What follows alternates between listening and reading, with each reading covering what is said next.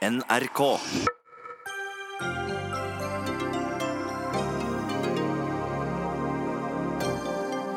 Sverige skal få ny lov som gjør det forbudt å ha sex med noen som ikke har gitt tydelig uttrykk for at de ønsker det.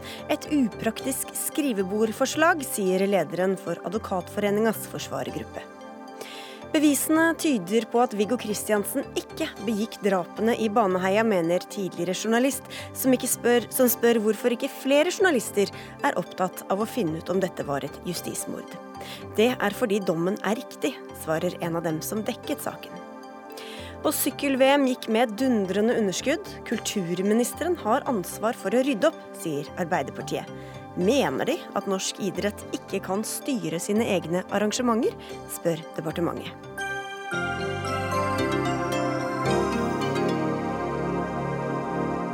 Jeg heter Sigrid Solund, og dette er Dagsnytt 18, hvor vi også skal til Sør-Afrika, der Cyril Ramaphosa nettopp er blitt valgt til ny leder i landets største parti, ANC. Metoo får nå politiske konsekvenser. Den svenske regjeringa ønsker å innføre en samtykkelov. Loven skal forby sex med personer som ikke tydelig sier ja eller aktivt uttrykker et ønske om å delta. Statsminister Stefan Löfven presenterte lovforslaget i går. Denne historiske reformen som regjeringen legger fram, det er en samtykkeslagstiftning. Og den sier det som burde være selvklart, nemlig at sex skal være frivillig og er det ikke frivillig, så er det olaglig. Utan alla de flickor og kvinnor som utsätts for trakasserier og sexualbrott skal veta at vi er kompromisslösa mot sexualbrotten. Samhället står på er sida. I grunden er budskapet enkelt. Man tar reda på om den du vil ha sex med, også vil ha sex. Så er du osäker, avstå. Så er spørsmålet da om Norge bør følge etter. Og Marius Ditriksson, du er leder av forsvarergruppa i Advokatforeninga, og du mener at en sånn lov ikke er nødvendig i Norge. Hvorfor ikke det? Eh, vår innfallsvinkel til dette er at eh, de straffebestemmelsene vi har den dag i dag, de dekker de eh, praktiske tilfellene vi kan tenke seg. Så hvor vi ønsker at handlingen skal lates med straff, slik at det er et tilstrekkelig vern i de straffebestemmelsene som eksisterer eh, allerede. Men eh, kanskje vel så viktig er det at dette i realiteten er nok ment som en gest til ofrene. Kanskje i håp om å få flere oppklaringer, gjøre bevissituasjonen enklere. Men jeg tror jeg kan si at det blir tvert om. Jeg tror ikke det blir en enklere bevissituasjon. Jeg tror den blir vanskeligere. Og det blir nok ikke noen flere domfellelser av det. Hvordan kan det bli vanskeligere å være offer? Jo, for man eh, Nei, altså bevissituasjonen blir vanskeligere. Ja, men Vanskeligere for offeret i, i ja, rettssalen? Ja, eh, ja og, og, og, slik at man oppnår ikke noen flere domfellelser. Og som du nå er inne på, så kan det nok også hende at det vil slå uheldig ut for offeret. For slik som det er nå, og det tror jeg er en, en, seier for likeverdet Slik som det er nå, så er fokuset ene og alene på den siktede. Har han forgrepet seg på offeret? Eller har han det ikke? Eh, ved at man nå institusjonaliserer og inntar som et krav i straffebestemmelsen at vi skal undersøke hva, hva offeret har gjort.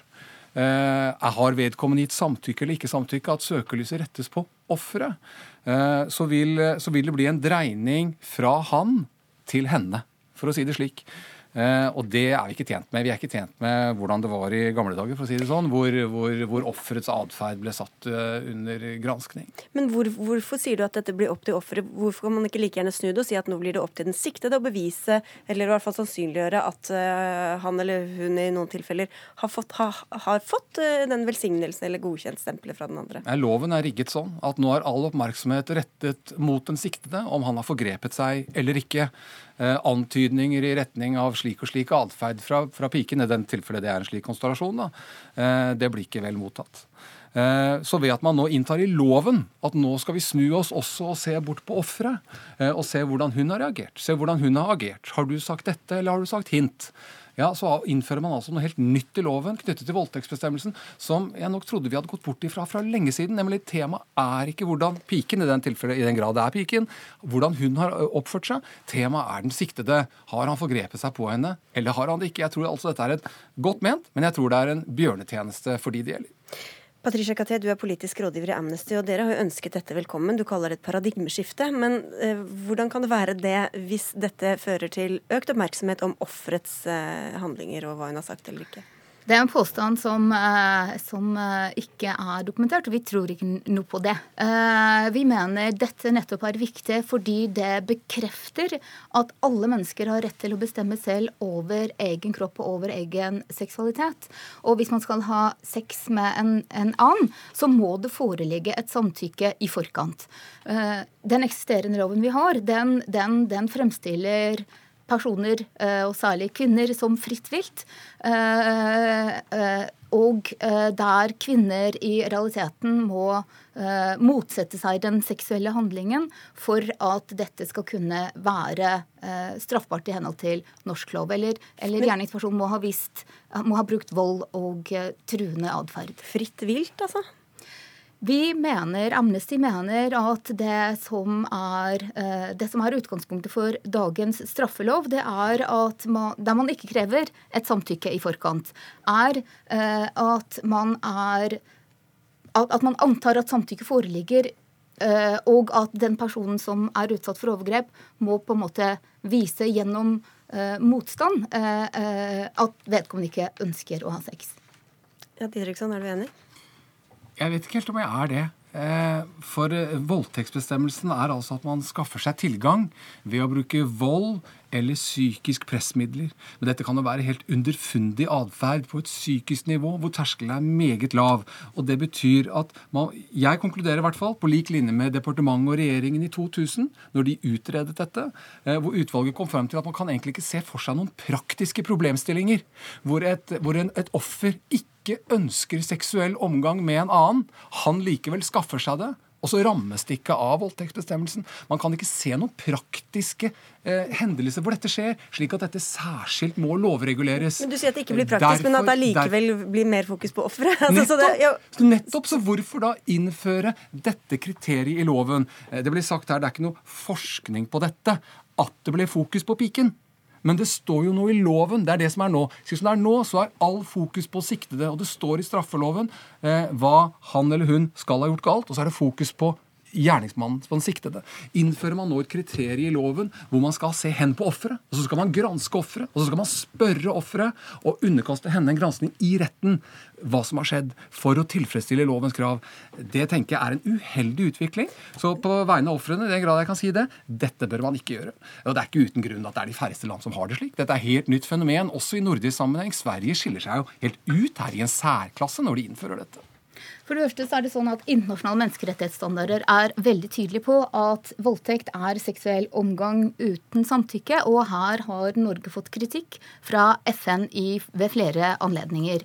Eh, for det andre er det jo flere land som har en samtykkebestemmelse, bl.a. Storbritannia, Belgia, Canada og nå også Sverige. Så det er jo over hele den vestlige verden i hvert fall slik at vår forståelse av hva en voldtekt er, har utviklet seg over tid. Og retten til å bestemme selv over egen kropp og seksualitet har fått et, eh, et, et, et større rettighetsvern i land etter land. Um, eh, dette, med, dette du sier om at man har ikke fokus på Eh, den på offerets uh, handlinger stemmer jo heller ikke. Fordi, uh, fordi, det er også slik i tilfeller der en person ikke er i stand til å gi et samtykke pga. bevisstløshet, eller fordi man er ute av stand til å motsette seg, så vil man jo nettopp ha et fokus på gjerningene til den som er utsatt. Så, så det, er, det, er, kompliserte problemstillinger. Det er ingen som tviler på at voldtektssaker er vanskelig både i eh, retteføre og, og, og, bevise, og at en samtykkelov ikke endrer på det. Det er ikke derfor vi skal ha loven. Vi skal ha loven for å få Eh, for å komme i overensstemmelse med menneskerettighetsstandarder, og for å sørge for at alle former for voldtekt faktisk blir uh, uh, straffet. Så, så, mye om de tekniske spørsmålene, men man skal heller ikke miste av syne at vi er på et område som kanskje ikke egner seg for ikke bare lovregulering, men strafferettslig regulering. Vi snakker jo om her det, livs, det livsbærende samkvemmet mellom to mennesker, og altså i detalj fra lovgiver ikke bare regulere hvordan det skal skje, men belegge det med straff om det ikke skjer på slik eller slik måte, tenker jeg at man skal være varsom med. Og dette er ikke et område hvor man ikke bør gjøre det. Jeg tror dette fungerer aldeles utmerket innenfor dagens regler. Nå sneier du litt innom det som eh, hva skal vi si, sosiale medier har vært fulle av i dag. Petter Eide, du sitter på Stortinget for SV. Det er mange som spør om vi skal lovregulere, eller trenger man kontrakt for å ligge sammen, eh, og det ene med det andre. Hva vil du svare da? Jeg vil si at det er å banalisere den debatten. Eh, og det er faktisk land som er sånn som Didriksson sier, som ikke ønsker å gripe inn i privatlivet. Og der er altså voldtekt lov. Eh, i familien og i ekteskapet. Det er faktisk mange land som har det sånn. Så det at vi som Apropos banalisere? Jo, men så hvis du lar meg få fortsette. Så det at vi nå går inn og ønsker å, å lovregulere dette, det syns jeg er veldig bra. Stefan Löfven i Sverige sier dette veldig godt. Veldig enkelt. Enkelt budskap. Sex skal være frivillig. Er det ikke frivillig, så skal det være forbudt. Og nå må vi huske på at Det vi snakker om her, er å utvide voldtektsdefinisjonen eh, fra ikke bare å omfatte vold og tvang, men også omfatte seksuell seksuelt samkvem hvor det ikke er et slags aktivt samtykke. Og det, er, eh, og det, så det, vi, det vi gjør her, vil være en vil være en, en, en, stor lettelse og en stor anerkjennelse for de 10 12 14 000 kvinner i Norge som i året utsettes for dette. Det er, det er å vise at eh, politikere i, eh, i Sverige, da, vårt naboland, og kanskje også i Norge, tar dette på alvor. Jeg har allerede i dag laget et forslag som jeg har levert til Stortingets administrasjon, sånn at vi får denne debatten inn i Norge. Men hva blir den store praktiske forskjellen? For dere snakker mye om signaler og sånn, men hva er, hva er den, hvilke situasjoner vil dette lovverket ramme som ikke dagens regelverk vil ramme? At flere, at flere seksuelle situasjoner hvor, hvor, hun da i de fleste tilfeller ikke har vært frivillig, også blir omfattet av lovverket. Det vil være den praktiske forskjellen. Ja, gi meg et eksempel på en situasjon. Eh, ja, det vil jo være kvinne, en, en, ung kvinne som f.eks. er full. På en fest, og hvor hun da ikke kan ordentlig rede for seg. Det er ikke et veldig tydelig tvangselement inne i bildet. Hun er heller ikke, veldig, del, hun er veldig, ikke, kanskje ikke sterk nok til å, til å uttrykke verken samtykke eller ikke. Men den type tvilstilfeller vil da, med det nye lovverket, vil regnes som en voldtekt fordi samtykke ikke er gitt. Guro Angel Gimse. Her er det voldtektomfellelser med det scenarioet der hver eneste dag i Oslo tingrett. Så eh, det, er jo litt, det er litt pussig eksempel. Og da er vi litt tilbake til den tidligere utredningen av 2000-tallet som står seg en dag i dag. Det er i grunnen vanskelig å komme på et praktisk eksempel som ikke rammes av straffebestemmelsene i dag. Eh, så derfor ikke advare det. Derfor ikke, Men la meg si, hvis det skal ha en mening, jeg må si det, hvis det skal ha en mening å innføre det, ikke sant? Og at man faktisk skal ha et samtykke, og man ikke ikke mener at det er OK med bare konkludent atferd, at du viser med din handling at det er greit, men faktisk har en mening, så må man jo faktisk foreslå at det skal gis et eksplisitt samtykke. Et, et eksplisitt samtykke bør gis hvis det skal ha en mening med lovforslaget. Og da går man også inn i et system hvor ja, ja, meg, men, er det noen som sier at ikke det skal være ja. eh, regnes som, som, samtykke hvis man på en måte er med på leken? da? Ja, hvis, hvis, man, hvis man sier det, Eh, og det er jeg jo helt enig i. Selvfølgelig må det være sånn. Men hvis man følger den linjen, så, så er det helt umulig å se for seg eh, hvilke hendelser den nye loven da vil fange opp, som dagens lov ikke vil fange opp. Og, der, og det, er derfor jeg sier, det er derfor jeg sier, skal forslaget ha en mening, så må man innta at konkludent atferd er ikke nok. Du må faktisk si uh, som en villet mening ja, du skal få lov til dette og hint. Og da kommer man i den situasjonen okay. at etter at den, ja, men La meg ta det eksempelet. Da kommer man i den situasjonen at etter at man angrer seg dagen etter, men alt er frivillig, så kan man Nei, det var ikke noe lurt, egentlig. Så kan man gå og melde fra og si Vet du hva? Jeg ga ikke eksplisitt samtykke, og så må dommeren dømme han vel vitende om at dette er frivillig. Alt er helt i ålreit. Det er bare ikke gitt et formalsamtykke. Men nå er det ikke det vi diskuterer, egentlig, da. En slik men, sak ville vært henlagt til politiet. Jeg har bare lyst til å Nei, men, bare, det, Vi må få en til deg, Guro Angel Gimse, du sitter i justiskomiteen på Stortinget fra Høyre. og uh, du, uh, du er imot en sånn eh, lov, som regjeringa og som eh, justisministeren. Ja, Hvorfor det? Ja, altså utgangspunktet så tenker jeg at forslaget fra SV og Amnesty her er, har gode intensjoner, og det deler for så vidt intensjonen. Altså Alle partier alle ønsker jo å bekjempe voldtekt. Men når det kommer til dette forslaget her, så blir det symbolpolitikk, tenker jeg. Jeg har sjøl jobba mye med voldtektsoffer gjennom jobben min i politiet, som jeg hadde før jeg ble politiker. Og jeg tenker at det siste vi trenger, er at bestemmelsene blir enda mer utvanna, enda mer uklar. Det er vanskelig nok å bevise en voldtekt sånn som det er i dag. Ja, hvorfor blir det så utvanna med det her, da? Jo, ehm, det, det vil da eh, bli flere forhold som straffes, og det er også uklart da ehm, hva som kreves opp imot eh, et samtykke. Altså, I Sverige nå så sies det det at eh, for hver gang man under en seksuell akt bringer inn et nytt moment, så skal man søke samtykke. Altså Hvis du f.eks. går fra å ligge sammen til oralsex? Eh, kanskje. Det er, ikke, det er, ikke, avklart hva som menes med det her. Men det sies at hvis du går fra ett moment til et nytt, så må det innhentes et samtykke. Og da syns jeg det blir såpass uklart at vi kan til og med erfare det at uh, uskyldige blir dømt. Men hvorfor er det så uklart om man måtte har frivillig sex eller ikke i den situasjonen? Ja, altså, eh, Det sier jo seg sjøl at når du da må søke samtykke kanskje opptil ti-tolv ganger i løpet av eh, en seksuell handling, så blir det jo fryktelig vanskelig, dette her. Jo, men, men, ikke sant, det dette handler om, det er klart at bevisbyrden her blir fort, vil, som den er allerede i dag, så vil, eh, vil det ikke bli noe lettere med, denne, nye, dette, med, med denne endringen. Det er jeg helt enig i. Så bare enda flere som ikke blir dømt, da? Nei da, det er slett ikke sikkert. Mm. Fordi det, er altså, det vil også på et eh, visst aspekt også fjerne gråsonen. Fordi eh, mannen eller overgriperen, eller hva, hva vi skal kalle han, vil vite veldig, veldig tydelig hvor de grensene går. For nå er, med dette forslaget er grensene veldig, veldig tydelige. Er det ikke frivillig, så er det ulovlig. Ikke sant? Og det er ganske eksplisitt. Og for en, en, mann da som er i senga med en jente, vet veldig nøye er det ikke frivillig, så er det ulovlig. Det er et veldig veldig tydelig grense.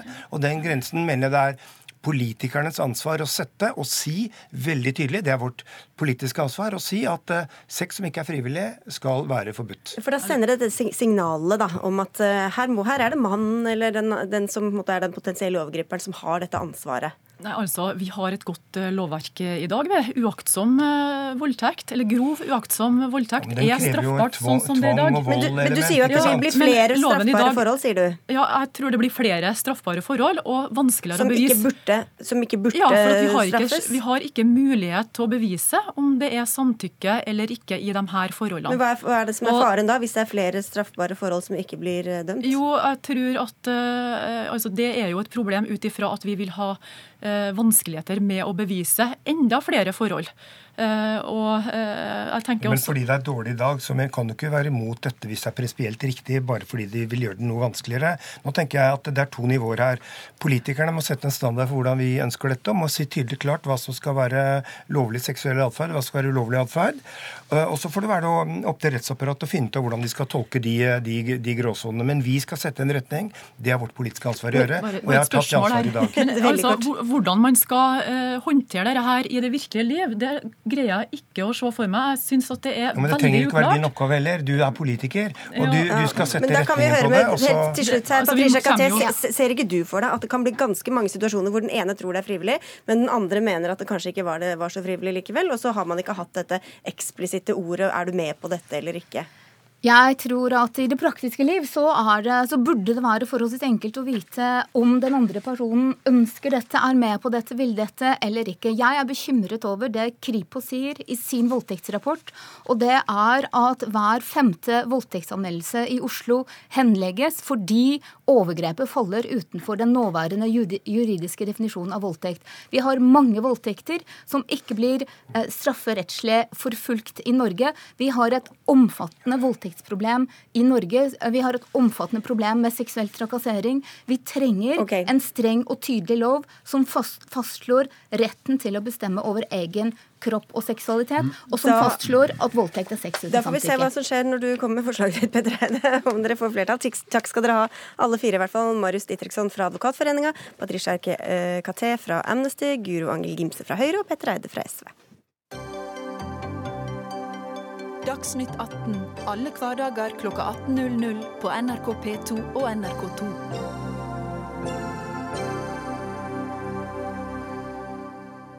Sportslig ble det en knallsuksess, men økonomisk er sykkel-VM blitt et mareritt for VM-arrangøren Bergen 2017. Et underskudd på mellom 50 og 60 millioner kroner er antydet, og nå står kreditorene i kø. Kulturministeren har ikke gjort jobben sin og må rydde opp, sier du Masud Gharahkhani. Du er stortingsrepresentant og idrettspolitisk talsperson for Arbeiderpartiet. Hva i all verden er det kulturministeren skal rydde opp i, egentlig? Altså først La oss være enige om at uh, ble en fantastisk uh, folkefest og en uh, fin fest for å vise hele Norge. Men vi har jo de siste årene hatt en høylytt debatt om viktigheten med åpenhet rundt idretten. Man har hatt en knalltøff eh, debatt med Idrettsforbundet og toppene der om at man må ha åpenhet rundt eh, reiseregninger. At fellesskapet må vite hvordan man forvalter fellesskapets penger. Og det er en kamp man tverrpolitisk har stått opp. Og når det har kommet begredelige hendelser hvor man ser at reiseregningen ikke har vært OK, så har vi sagt at dette er uakseptabelt. Fordi idretten ja, er en, fordi idretten er en, en folkelig bevegelse, en grasrotbevegelse. Men da er det veldig merkelig at vi har hatt en kulturminister eh, som har vært opptatt av den åpenhetskampen. Men når det kommer til det eneste idrettsarrangementet hvor hun har gitt øremerket penger til eh, sykkel-VM, så har ikke hun stilt de samme krav om åpenhet der som ellers i idretten. Eh, da blir det litt sånn at folk tenker er det slik at hun beskytter sine egne? Krav om åpenhet kommer først. Hvem, hvem er hennes egne Nei, i denne altså, saken? Det eneste prosjektet hun har gitt penger til, over statsbudsjettet, øremerket til, har vært sykkel-VM. Og først når det blir eh, eh, avsløringer om dundrende underskudd, da kommer kravet om at det bør være åpenhet. Det mener vi eh, burde vært tydelig fra dag én. Det er at når man gir fellesskapets penger, skattebetalernes penger, så er det viktig med åpenhet rundt hvordan de pengene brukes. Ja, Bård Folke Fredriksen, du er statssekretær i Kulturdepartementet. Dere bevilget jo også 50 millioner kroner av skattebetalernes penger. Hva veit du, og hvor godt har dere sjekka hva de pengene gikk til? Ja, for det første så må jeg, må jeg, si jeg ble veldig overrasket over for det første det Arbeiderpartiet sier er at det har vært bred politisk enighet rundt krav om åpenhet i idretten. Det har det ikke vært til nå. Arbeiderpartiet har vært savnet på den arenaen. Men hvis dette betyr at Arbeiderpartiet nå er enig i åpenhet, så er det hjertelig velkommen etter. Den eh, støtten trenger kulturministeren for å få åpenhet i idretten. Men selvfølgelig har det vært stilt krav også om åpenhet knyttet til sykkel-VM. Og, og, i tilskuddsbrevet som er gitt til sykkel-VM, så har det selvfølgelig vært sånn at de pengene staten yter, skal gå til de formålene som eh, det er søkt om og det er um, gitt penger til. Og det vet vi at det har. Det har gått til samferdselstiltak, det har gått til sikkerhet, og det har gått til frivillighetsprosjektene knyttet til sykkel-VM. Men så er det jo selvfølgelig kritikkverdig at sykkel-VM ikke har hatt en finansiell og økonomisk styring. Eh, men det er jo da altså ikke kulturministeren som har ansvaret for å styre eh, økonomien i privat sektor. Det er hvert eh, enkel eh, organisasjon, i dette tilfellet arrangøren i Bergen. Jeg skjønte ikke helt hva det er du savner. Hva slags åpenhet, hva er det vi må vite? Hvis, hvis vi vet at penger, våre penger er gått til, til det det skal, så er det vel ikke så farlig hva andre ting som skjer der, eller? Nei, altså det er jo sånn at uh, De har jo gått dundrende i underskudd. Uh, ene regningen etter andre dukker opp. Men hvorfor er det et argument, egentlig? Fordi man ser at de, de hemmeligholder en del avtaler. De vil f.eks. ikke legge fram regnskapet. De har hatt en arrangørkontrakt uh, som ikke de vil legge frem, som er penger. Som er det største kravet de har, som går til Det internasjonale sykkelforbundet. Jeg mener at når staten har vært inne og gitt titalls millioner kroner av skattebetalernes penger, så skal Norge stå i front på at vi skal ha åpenhet rundt internasjonale arrangementer. Men jeg skjønner ikke at, at, det er et uh, argument at det har gått med underskudd. Hvis det hadde gått masse i overskudd og, for, og, fått 50 millioner kroner, så hadde jo, men, det vært mye verre hvis det gikk i lomma på altså, noen dag, rike internasjonale sikkerhetsfolk. I dag var jeg på møte sammen med idretten. Og idretten sier at det er enormt etterslep på idrettsanlegg. Mange klubber der ute, de 12 000 klubbene Så de burde ikke fått penger i det hele tatt? Poenget er nettopp det, at vi må jo kunne forsvare at de pengene vi gir, det går til fellesskapet, det går til noe idretten ønsker seg. Når ikke de har budsjettkontroll, når ikke de viser åpenhet rundt de avtalene som gjøres, samtidig som vi vet at konsekvensen av at de går i underskudd, kan gå utover det frivillige idrettslivet, for vel, da må man stilles til ansvar for det. Går vel i samme potten, folk i Fredriksen? Også liksom, ja, det er jo de samme pengene. Si, eh, selvfølgelig må dette arrangørselskapet levere et uh, revidert regnskap når det er klart. Uh, det er en selvfølge. Også disse hemmelige kontraktene? altså, hva, hva, av alt det som er åpent, det vil ikke jeg, det må de gjøre redd for. Men vi fra Kulturdepartementets side, mener at det skal være åpent. Jo, det vil jeg si at vi, at vi gjør. Men det som, det som, er helt opplagt her, er jo at det har vært et arrangement. Det arrangementet ble støttet fra statens side fordi vi mente det var bra for norsk idrett og for for um, markedsføringen av Norge å ha det. Og det har vært et levert et arrangement. Men så er det jo selvfølgelig sånn at man må ha åpenhet i regnskapene, i pengebruken, og selvfølgelig også ha en mye bedre kontroll enn det man uh, har hatt her. Men det er jo ikke sånn at hvis noen i privat sektor ikke har kontroll med regningene, så er det ikke sånn at staten overtar de regningene. Nei, men Er det det han foreslår, da? Jo, han gjør det. For han sier at sier staten du at de skal dekke, skal sitte dekke det underskuddet? Nei, det har jeg ikke sagt. Det jeg sier, at hadde jeg vært kulturminister, så sier jeg at idretten bygger på tillit. Og når vi fra statens side gir penger, så skal idretten vite at de pengene er brukt fornuftig. Da hadde jeg sagt følgende til, idretts, eh, til Sykkelforbundet. Dere har fått tilskudd. Masse penger, skattebetalernes penger. Hvis ikke dere nå viser åpenhet rundt alle disse avtalene, så vil det kunne få konsekvenser videre hvis det er nye internasjonale arrangementer, om dere får penger i framtida.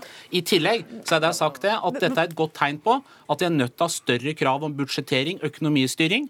Dersom det ikke har vært god nok styring underveis, så bør det rapporteres tilbake, okay. og det må følges opp fra kulturministerens side. Altså, ja, jeg er enig i at det, eh, sannsynligvis vil dette få konsekvenser for fremtiden. Og staten gir jo nesten aldri tilskudd til arrangementer. Vi bruker pengene våre på å investere i anlegg for bredde og ungdom uh, osv.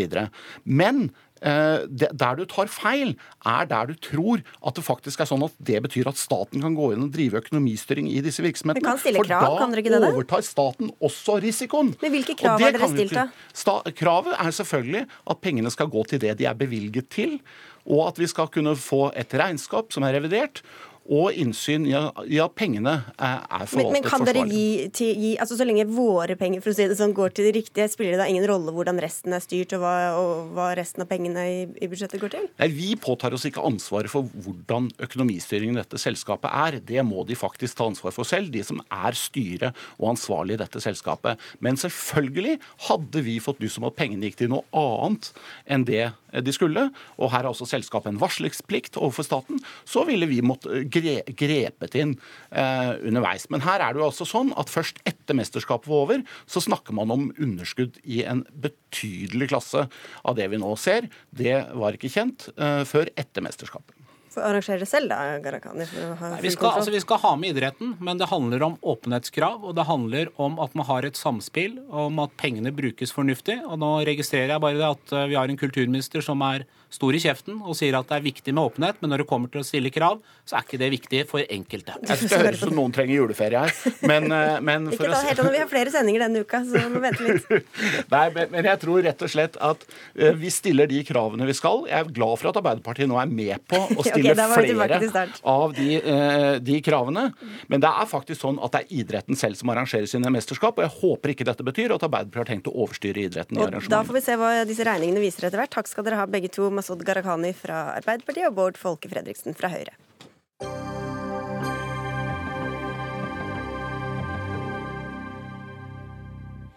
Tok rettsstaten feil da Viggo Kristiansen ble dømt for Baneheia-drapene? Det er spørsmålet som stilles i en kronikk i VG. For 17 år siden ble Kristiansen dømt, sammen med Jan Helge Andersen, til henholdsvis 21 års forvaring og 19 års fengsel for voldtekt og drap på åtte år gamle Stine Sofie Sørstrønen og ti år gamle Lena Sløgedal Paulsen. Viggo Kristiansen er skyldig i mye, men bevisene tyder på at han ikke begikk drapene i Baneheia, skriver du i denne nevnte kronikken, Svein Tore Bergestuen. Du er forfatter og tidligere journalist, for du dekket saken som programleder i 1730 i P4, og var 100% overbevist om at Kristiansen var skyldig, skriver du. Hva mm. fikk deg da til å endre mening? Primært så var det boka til uh, Scoop-vinner Bjørn Olav Jahr. Uh, og da jeg leste den, så tenkte jeg at dette dette går jo ikke, eller dette, dette kan ikke stemme. Fordi jeg var så sikker, og fordi alle andre er så sikre.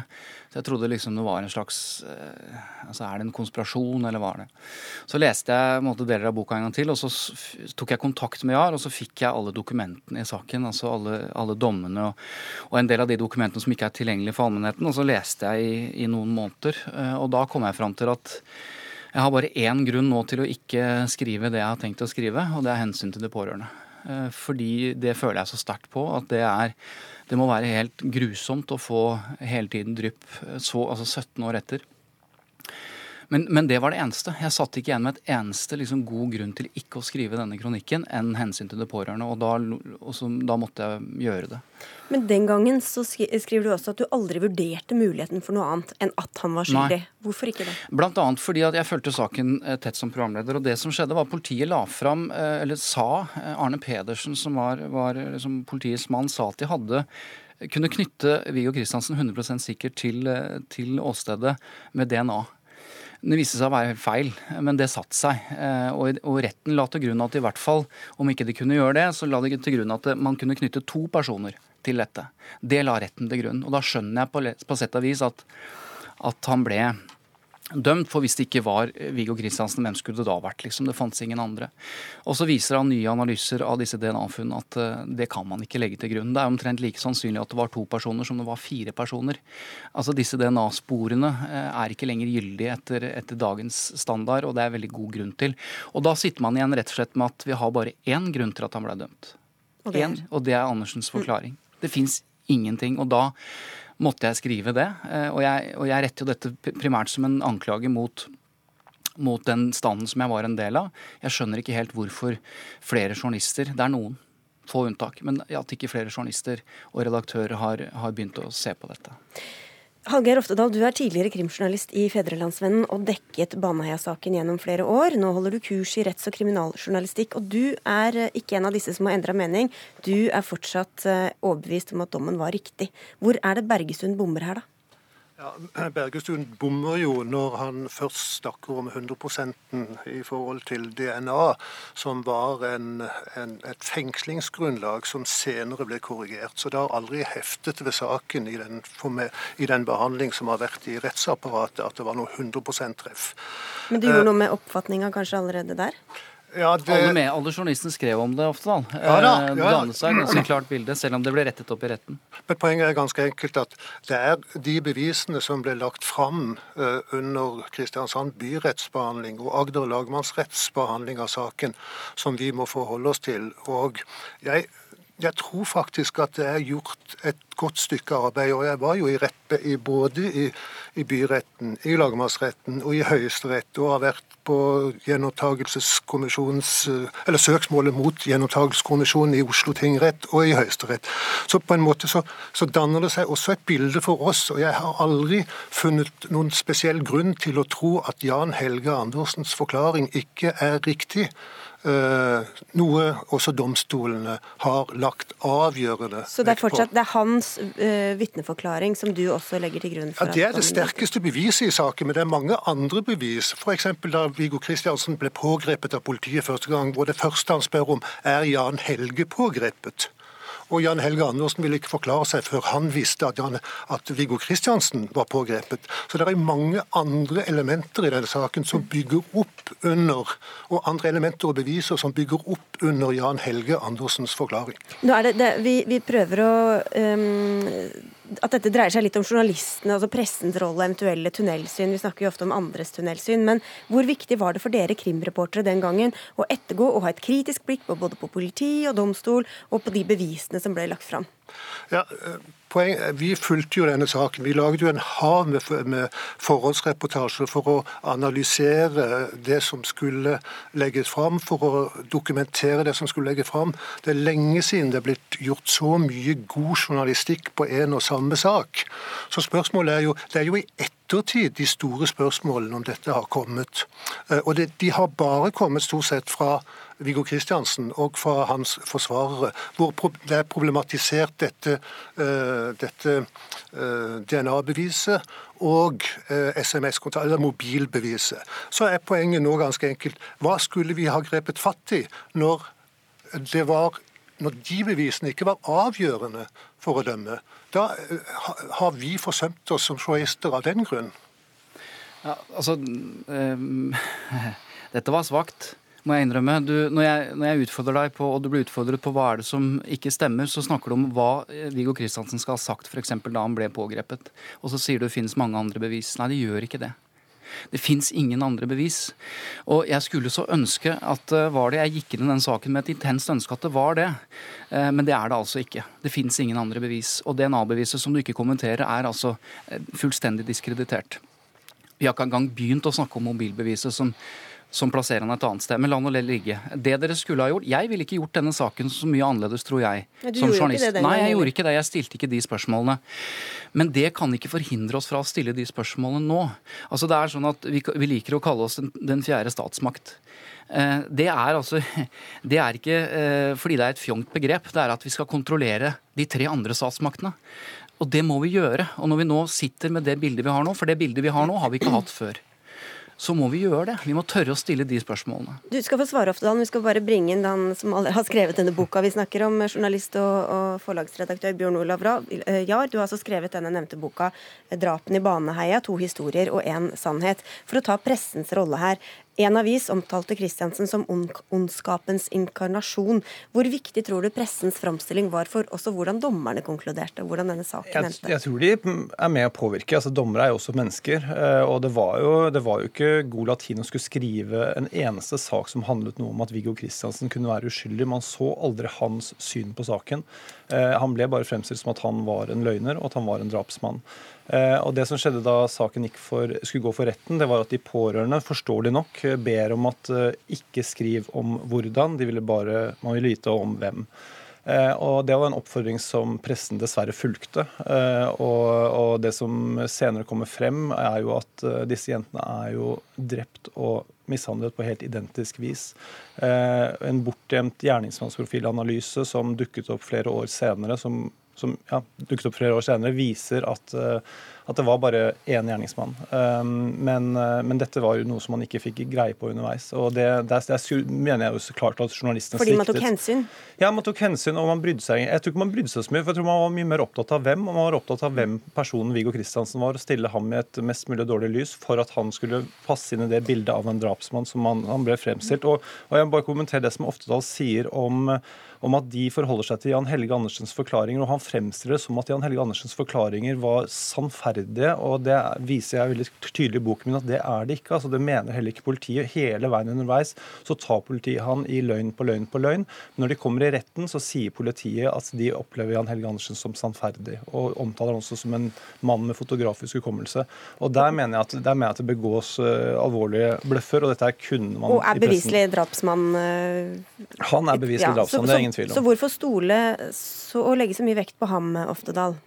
Nei, men Poenget er jo ganske enkelt at han har jo ikke noe Når han da eh, eh, til slutt tilstår og gjentar denne tilståelsen i retten, så drar han jo bestekameraten sin inn i saken. Og Spørsmålet er ville var det, var det for å mildne sin egen eh, posisjon, eller var det for å, å eh, ja, det spørsmålet kan jo selvfølgelig stilles hvorfor han gjør det, men jeg tror det var en oppriktig og en riktig forklaring. Så er det spørsmålet når vi blir bebreidet for ikke Vi har jo vært det beste mikrofonstativet for advokatene til uh, Viggo Kristiansen opp gjennom årene. De har fått fremføre alt det de har villet i sine mange uh, innspill til uh, Gjenopptakelseskommisjonen, Oslo tingrett og i Høyesterett. Vi har aldri latt være å fortelle folk hva forsvarerne til Viggo Kristiansen. Men har, men, men har, dere gått selvstendig inn i det Unnskyld. er det mange journalister her. Har dere, har dere gått selvstendig inn og vurdert, eh, og vurdert bevisene? Eh, ikke annet enn det vi har eh, Her strides jo disse sakkyndige om bevisene. Nei, de gjør ikke det, altså. Jeg beklager å måtte avbryte deg. Det er altså ingen eksperter som bestrides. Da vil jeg gjerne vite hvilke eksperter som står mot hverandre. Men Poenget er ganske enkelt. Hva, hva, hva, hva, burde vi ha gjort? Jo, og jeg har sympati med det. Bortsett fra at dere mener at dere har rett på sannheten. Nei, jeg, jeg, må si det, Oftedal. Jeg mener ikke at jeg har rett på sannheten. Mitt anliggende er kun at her er det så mye tvil. Altså, Det fins ikke bevis, og, og, saken står annerledes i dag enn før. Så jeg skjønner ikke hvorfor ikke denne saken, hvorfor ikke alle mener, og pressen mener, at denne bør undersøkes nærmere, at den bør tas opp igjen. Det har vi ingenting å tape på. Vi har alt å vinne på det. Deg, Oftedal, finnes, du, nå har ikke du lest denne boka, så vidt jeg veit, men uh, er det noe Blir du i tvil, eller? Nei. Jeg blir ikke i tvil om at domstolen har, har vurdert riktig. Og så blir boken, gang på gang blir jo da disse eh, sakene brakt inn for, for gjenopptakelseskommisjonen og avvist hele veien. Ja, Det er jo sant, ja. Den har jo vært oppe både, altså i flere rettsinstanser som har, har kommet det, til samme ja, konklusjon. De, de, viser til, de, viser til, byrettens behandling av mobilbeviset, som, som er uh, svært spesiell, svært eiendommelig. Og, og, dette vises igjen til lagmannsretten, og så kommer gjenopptakelseskommisjonen og gjør det samme. Og det har samme, vært samme leder i gjenopptakelseskommisjonen. Så det blir følgefeil, da, ifølge deg? Helt klart. Men, men det du sier, da, at vi må stole på, og dette er det argumentet jeg møter også, som jeg brukte selv. altså Det er behandlet to rettsinstanser, gjenopptakelseskommisjonen. Men altså se på på en annen sak da, som er en skamplett på både norsk og, og, og svensk rettshistorie. Thomas Quick-saken. Snakk om å bli dømt i flere runder i to land og av pressen. Altså var, Vi var så sikre. Alle var sikre. Nå vet vi historien. Så det å tro at, at bare fordi det har vært igjennom noen rettsinstanser, det fins flere saker, eh, det er jo ikke noe belegg eller noe grunnlag for å ikke stille spørsmål når nye ting kommer opp. Ja, Poenget er ganske enkelt at hvis nå et, et nytt mobilbevis er frifinnende, så betyr det jo kort og godt at Jan Helge Andersen eh, forklarer seg falskt og uriktig. Ja, ja. Men har, har, aldri vært inne på, har, har dere, dere, aldri vært inne på tanken av, av det? Altså Deres dekning i Fædrelandsvennen f.eks. at han kan forklare seg falskt? Uh, det, jeg kan jo ikke huske tilbake helt nøyaktig hvor, hvordan vi fremstilte hans forklaring mens han var i retten. Eh, men jeg mener jo at, eh, at det ble problematisert av forsvarerne til, eller forsvaren til, til, til Kristiansen. Jeg skal bare spørre deg om noe også, for Det var jo helt grusomme omstendigheter. Altså, Denne saken er jo så forferdelig. To små barn var ofre. Og Viggo Kristiansen gjorde også en figur i retten som, som han satt og smilte. Altså, Han ble jo framstilt, eller framstilte seg selv som eh, skal ikke bruke så sterke ord, da, men i hvert fall en veldig lite sympatisk person. Det var jo et sterkt behov for å få noen dømt. Hvor mye tror du at dere og pressen lot seg påvirke av også det, Oftedal? Nei, jeg tror ikke det. Eh, jeg tror eh, den, det som ble skrevet i retten, eller fra rettsforhandlingene, eh, både i byretten og i tingretten, var den balanserte fremstilling som kom i retten. Og jeg har ikke noen grunn til å tro at vi var uetterrettelige faglig sett som journalister i vårt arbeid. Jeg var bare en, en, en formidler, jeg var ikke noen kommentator i saken. Så jeg drev ren journalistikk. Det som er interessant nå, er at det er bevegelse. Altså, eh, Etter at boka kom, og når vi har skrevet denne kronikken, så, så ser man at altså, folk som har vært helt sikre, altså Halvard C. Hansen i Dagbladet f.eks., en meget erfaren kommentator, begynner å stille spørsmål eh, om det som skjedde. Det er bra. Det er også, ingenting også tape. egen rolle. Ja. Og sin egen rolle. Og, og, jeg har bare lyst til å si at jeg er altså allergisk mot konspirasjonsteorier. Altså Jeg hater når folk på en måte legger, legger til grunn en virkelighetsforståelse som ikke er bygd på fakta. I denne sak, For det er lett sånn, jeg hører, at, jeg hører at folk i pressen begynner å lure på om jeg, har, om jeg har begynt å bli konspiratorisk. Her er det motsatt. Her er det motsatt. Her, her er alt, alt det som ligger, som kan leses. Det tyder på at han ikke gjorde det. Jeg slår ikke fast det, men det tyder på at han ikke gjorde det. Og det er jo, Vi nevnte Thomas Quick, eller det ble nevnt Thomas Quick her. Det er jo også andre i den ganske fæle historien med justismordet Oftedal. Hva hvis det viser seg at det var en feilaktig domfellelse, da? Ja, Det blir å teoretisere og lage en, lage en, en forestilling som, som, jeg ikke tror på. Eh, det, det, jeg vil ikke begå, begå meg inn på en, en, å si noe om hvor, eh, hvis det skulle være tilfellet. Og jeg tror ikke det er tilfellet. Kan det også være, fordi eh, som jeg nevnte innledningsvis, så blir det jo i disse sakene da noen ganger sagt at det går prestisje i dem for, for domsapparatet.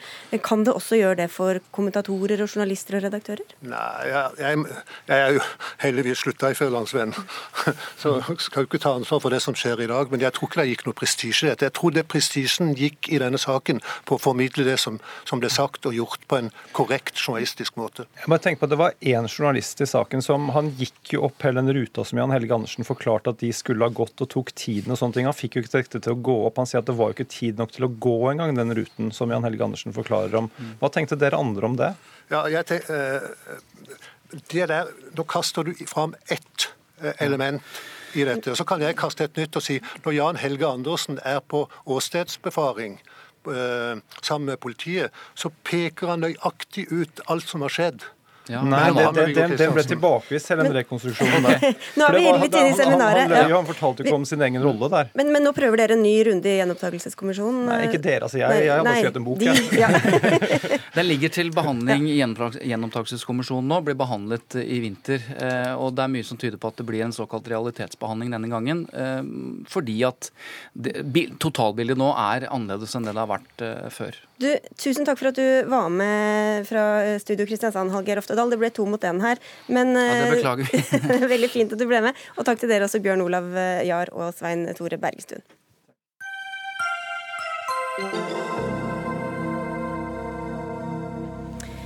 I det som er blitt beskrevet som et skjebnevalg, er Cyril Ramaphosa valgt til ny leder i den afrikanske nasjonalkongressen, bedre kjent under forkortelsen ANC. I dag er han visepresident i Sør-Afrika, tidligere aktiv i fagbevegelsen og en av landets rikeste forretningsmenn. Han tar over etter den sittende partilederen og presidenten i Sør-Afrika, Jacob Zuma. Men selv om valget er avgjort, har freden ikke senket seg. Motkandidaten Nkosana Nkosasana Dlamini Suma har allerede krevd omtelling av stemmene, og frontene mellom de to har eh, vært så steile at det er mange som frykter for en splittelse i partiet. Kristine Prestun, korrespondent i Johannesburg, eh, hvordan er denne nyheten om seieren mottatt? Jeg sto inne i salen da eh, den, eh, dette resultatet ble annonsert. Og da var det jo elektrisk stemning i halve salen. Folk danset på bordene og sang av glede over at deres kandidat nå har blitt valgt som den nye lederen. Men Resten av salen eh, satt jo da helt stille på plassene sine og så i bordet. Og Det er ganske betegnende, fordi nå har vi på en måte fått beviset for at dette er et splittet parti. Det var jo svært få stemmer som skilte de to eh, kandidatene. Hvis jeg har telt riktig, så var det snakk om bare 179 stemmer. Mm. Og denne motkandidaten, eh, altså ekskona til eh, Suma, har eh, krevd omtelling. Hva, hva, mer, hva, hva begrunner hun det med? Det var nok ganske ventet at eh, hvis det ble et veldig tett eh, resultat, ja da kommer det resultatet til å bli utfordret. Ehm, så får vi jo se hva en omtelling eventuelt fører til. Men det kan jo også tyde på at eh, hun da vil vurdere å bestride dette resultatet i rettssalen. Og det kan jo bety fortsatt intern uro og fortsatt bråk utad rundt dette partiet. Og Du har snakket med flere i Sør-Afrika som sier at ANC ikke oppleves som et relevant parti for dem lenger. Hvorfor ikke det? Dette er spesielt unge mennesker i byene som sier at, eh, at de bare slett ikke forstår hva det partiet har med deres eh, hverdag å gjøre. Det har, eh, jeg også snakket med folk som har svært lite å rutte med, og de føler jo at partiet har sviktet dem totalt. Dette var jo frigjøringspartiet, partiet til Nelson Mandela, partiet som fikk Sør-Afrika eh, i en fredelig maktovertagelse inn i, en, i et demokrati.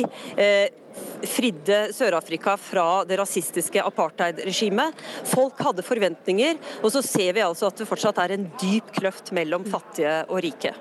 Takk skal du ha, Kristine Prestun. Liv Tørres, du er direktør ved Nobels fredssenter. Ehm, hvorfor tror du at Ramaphosa vant? Jeg tror han vant fordi han var den, og er den, som eh, har stått i spissen for å kreve nå å få renset opp i korrupsjon, eh, og få ryddet opp i det som i Sør-Afrika refereres til som state capture, altså at næringslivsfolk har på en måte kuppet kuppet statsapparatet og presidentskapet til Zuma. Man kan jo lure på hvem som har kuppet hvem, men at det er tette bånd mellom president Zuma og denne indiske familien Gupta og andre i næringslivet, som samlet sett anklages for massiv korrupsjon, det er i hvert fall helt sikkert. Og Ramaphosa har stått i spissen for kravene om å få ryddet opp, renset opp i korrupsjon, og på alle nivåer. Men hvor stor politisk eh, forskjell har det vært på de to kandidatene? Ikke så veldig stor politisk eh, forskjell. Det er ikke sånn at de skilles ad langs en høyre-venstre-akse, f.eks. Eh, det er klart, Ramaphosa oppfattes ofte som liksom næringslivets mann fordi han nå har tung bakgrunn i næringslivet. Han var fagforeningsmann først, har vært en del i politikken og så i næringslivet.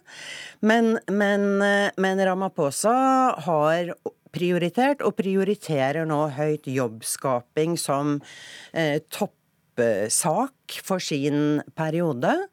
Og å få økonomien på fote igjen, i tillegg til å få ryddet opp i korrupsjon. Og det er kritisk viktig for å få gjort noe med fattigdomsreduksjon, redusert ulikheten osv.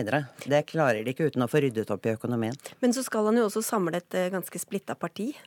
Han skal samle et enormt splitta parti, og det, og det er jo Én eh, ting er at han vant, og han vant med en relativt lav margin. Jeg tror det er borger litt bedre for ANCs framtid enn alternativet, for å si det rett ut. Men, men han har med seg tre stykker på laget som kommer fra Zuma-familiens side. Så, så, han får en vanskelig jobb i den toppledelsen med å få satt prioriteringene og få skaket ut kursen for, for framtida. Det, det, er nå det ene. Det andre er at han eh, Altså, vi må huske på at Jacob Zuma skal være president en god stund til før Ramaphosa overtar som, som president fra 2019. Sannsynligvis, hvis de vinner. Eh, han er partileder i første omgang. Jacob Zuma blir sittende som president fram til neste presidentvalg. Og så er det jo ikke så ofte vi snakker om afrikanske partier eh, og hvem som blir partiledere her i Dagsnytt 18. Hvorfor er ANC så viktig? ANC er viktig fordi at ANC er på en måte merkelappen på hele frigjøringskampen i, i Sør-Afrika. Og, og, mange oppfatter det jo som om det var ANC som frigjorde de fra apartheid. I praksis så var det jo en mang, masse sivilsamfunnsorganisasjoner internt i Sør-Afrika som gjorde den jobben, fagbevegelsen, kirken osv. Men de kjempet alle under på en måte merkelappen ANC, og det gjør jo at den har høy verdi fortsatt blant en del grupper. Så kom det i hvert fall en avklaring, så får vi se om det blir endra med en eh, gjenopptelling. Takk skal du ha, Liv Tørres, for at du kom. Hør Dagsnytt 18 når du vil. Radio NRK Radio.nrk.no.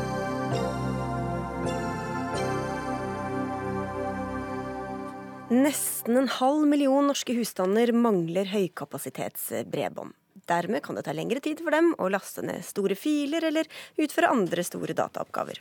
Etter fire år med statlige støtteordninger som skal bidra til høykapasitetsbredbånd i distriktene, har tre av fire søknader fått avslag, skriver Nasjonen.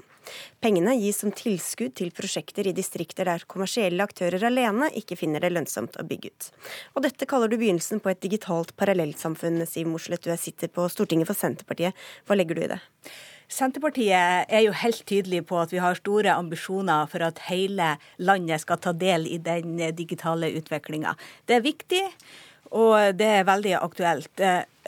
Men vi ser at regjeringa for budsjettet i 2018 ønsker å halvere satsinga, som allerede var lav i forhold til alle de som søkte om bredbåndsdekning. Så ønsker regjeringa å halvere den satsinga som var, og det er milevidt ifra de kan det være fordi veldig mange allerede har fått det, eller? Nei.